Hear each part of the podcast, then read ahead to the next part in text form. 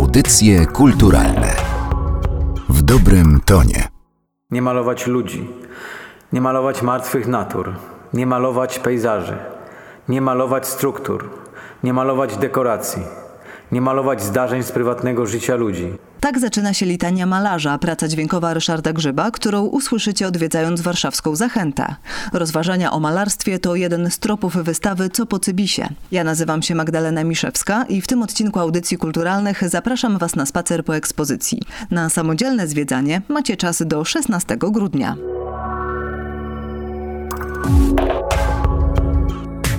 W audycjach kulturalnych e, odwiedzamy warszawską Zachętę. Spacerujemy po wystawie Co po Cybisie razem z jej kuratorem Michałem Miechułą. Dzień dobry. Dzień dobry Państwu. I zastanawiam się, jaki sobie klucz dobrać do zwiedzania tej wystawy, ponieważ temat jest zakrojony szeroko.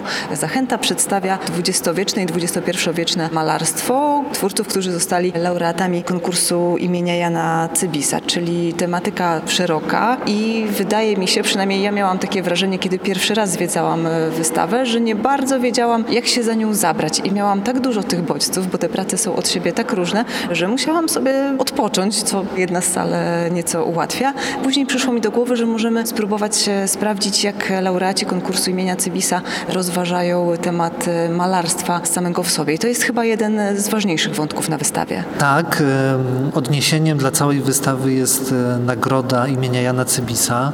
Ważną sprawą jest, że to nie jest konkurs, to jest e, przyznawana przez malarzy malarzowi za całokształt y, pracy artystycznej, pracy malarskiej. To jest nagroda o długiej tradycji. Zapoczątkowana została w 1973 roku i dzisiaj mamy blisko 50 już laureatów. Dlatego twórczość ich w naturalny sposób jest y, bardzo różnorodna. Kluczem y, dla tej wystawy, do jej narracji stały się różne wątki i problemy.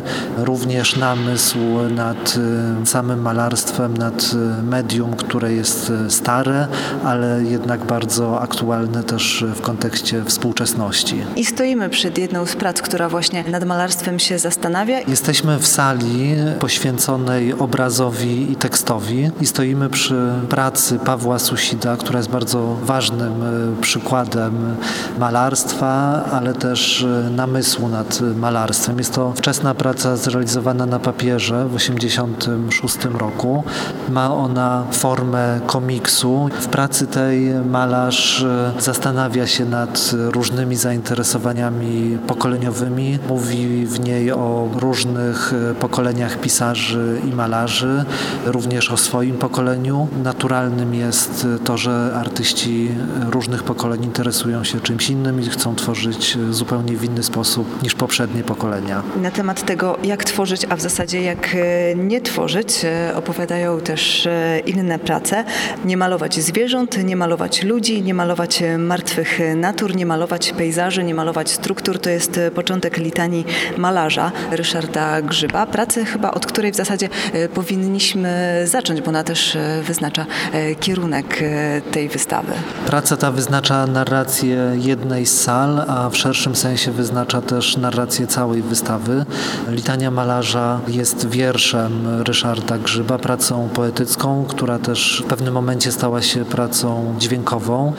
Artysta, malarz i poeta jednocześnie Ryszard Grzyb y, mówi, czego nie należy malować, z jakimi tematami, problemami nie należy się mierzyć w twórczości artystycznej. I każdy z tych tematów y, możemy w tej samej sali podziwiać y, na ścianach. Praca Litania Malarza prezentowana jest w sali Matejkowskiej, która gromadzi wielkoformatowe obrazy. Każdy z tych obrazów e, w różny sposób mieści się w poszczególnych wersetach litanii malarza.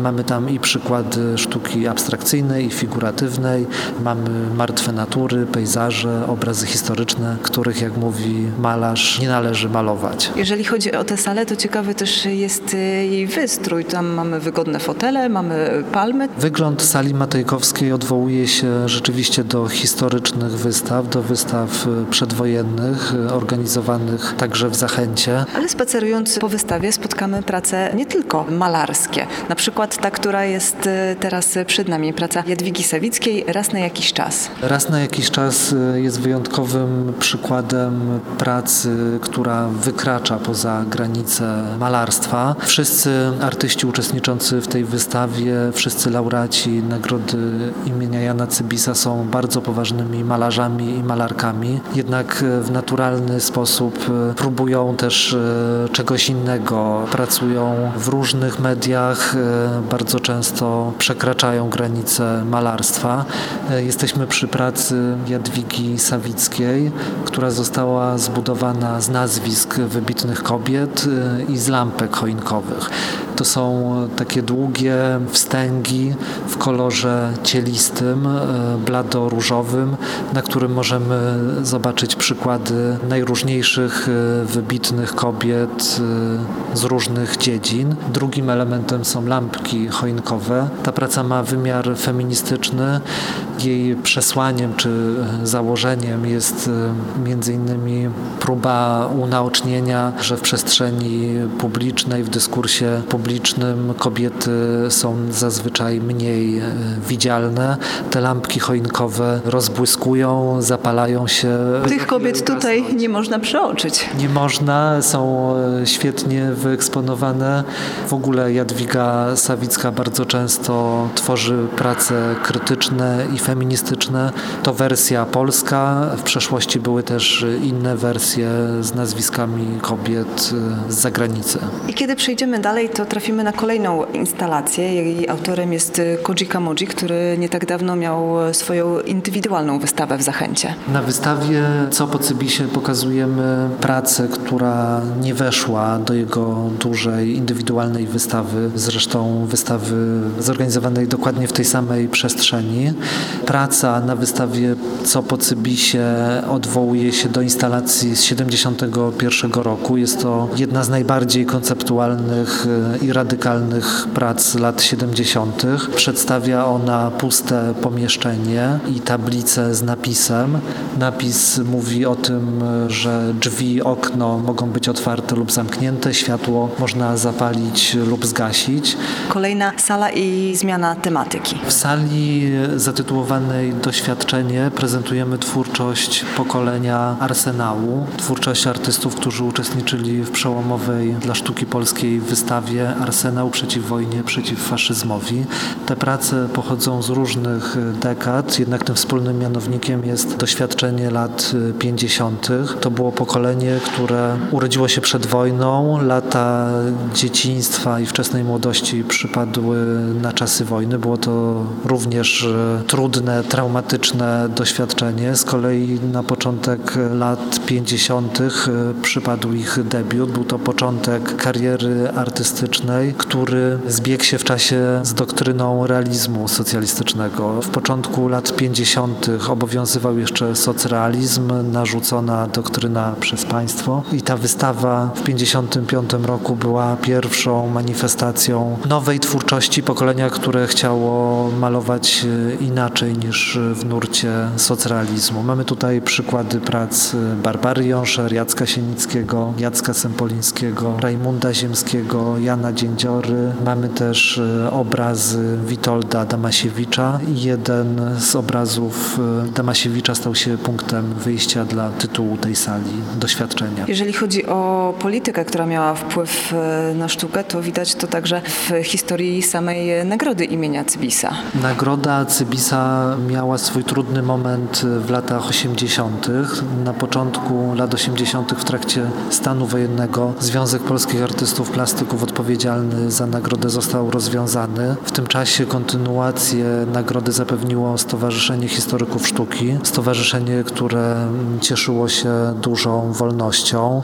W ogóle w nagrodę imienia Jana Cybisa od początku była wpisana wolność i to, że artyści przyznawali tę nagrodę artystą jest też niezwykłe, ponieważ nie było to jury przez nikogo narzucone, tylko był to wolny głos środowiska artystycznego. Jednak w tych latach 80., kiedy związek został zlikwidowany, powstał inny związek prorządowy, Związek Polskich Artystów, Malarzy i Grafików, w skrócie tak zwany SPAMIG i oni przyznawali identyczne w nazwie nagrody. W latach 80. przyznali cztery nagrody. A jeżeli chodzi o pytanie, które stawia Pan w tytule wystawy, co po Cybisie, to o co właściwie chce Pan zapytać i czy na to pytanie jest odpowiedź? Na pytanie, co po Cybisie jest odpowiedź. Chciałem pokazać, że po Cybisie artyści malowali zupełnie inaczej.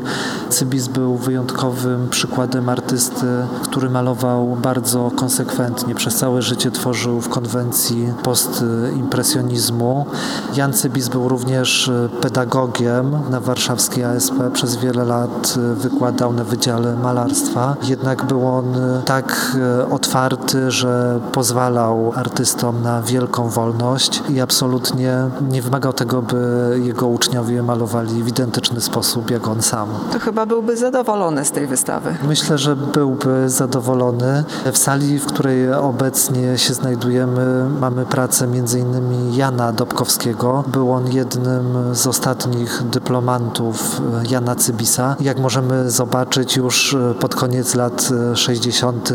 tworzył bardzo eksperymentalne prace, które łamały ten schemat dwuwymiarowego płótna i farby.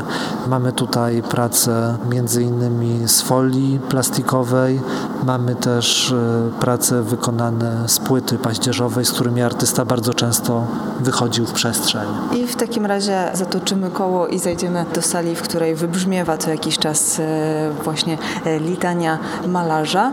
A, jeszcze nie, jeszcze jedna sala po drodze. Wątkiem sali, w której znajdujemy się obecnie jest początek i koniec, to znaczy początek i koniec obrazu, ale również początek i koniec życia.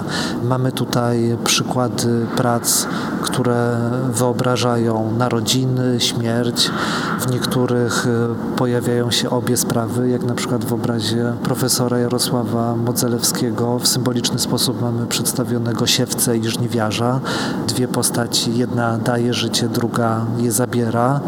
Wątek początku i końca obrazu możemy prześledzić w konceptualnej pracy Ryszarda Winiarskiego zatytułowanej od 0 do 100% czerni. I teraz już przed nami ta sala ostatnia z kanapami, z palmami, z litanią malarza i z jeszcze jedną pracą, która odwołuje się do rozważań nad malarstwem. Zwykły obraz. Jest to bardzo duży obraz Pawła Susida, dwujęzyczny. Paweł Susid zazwyczaj pracuje z tekstem i ten obraz jest zwykły i niezwykły jednocześnie. W pewnym sensie możemy go odczytać również jako czyste płótno, na którym dopiero powstanie coś nowego. Audycje kulturalne w dobrym tonie.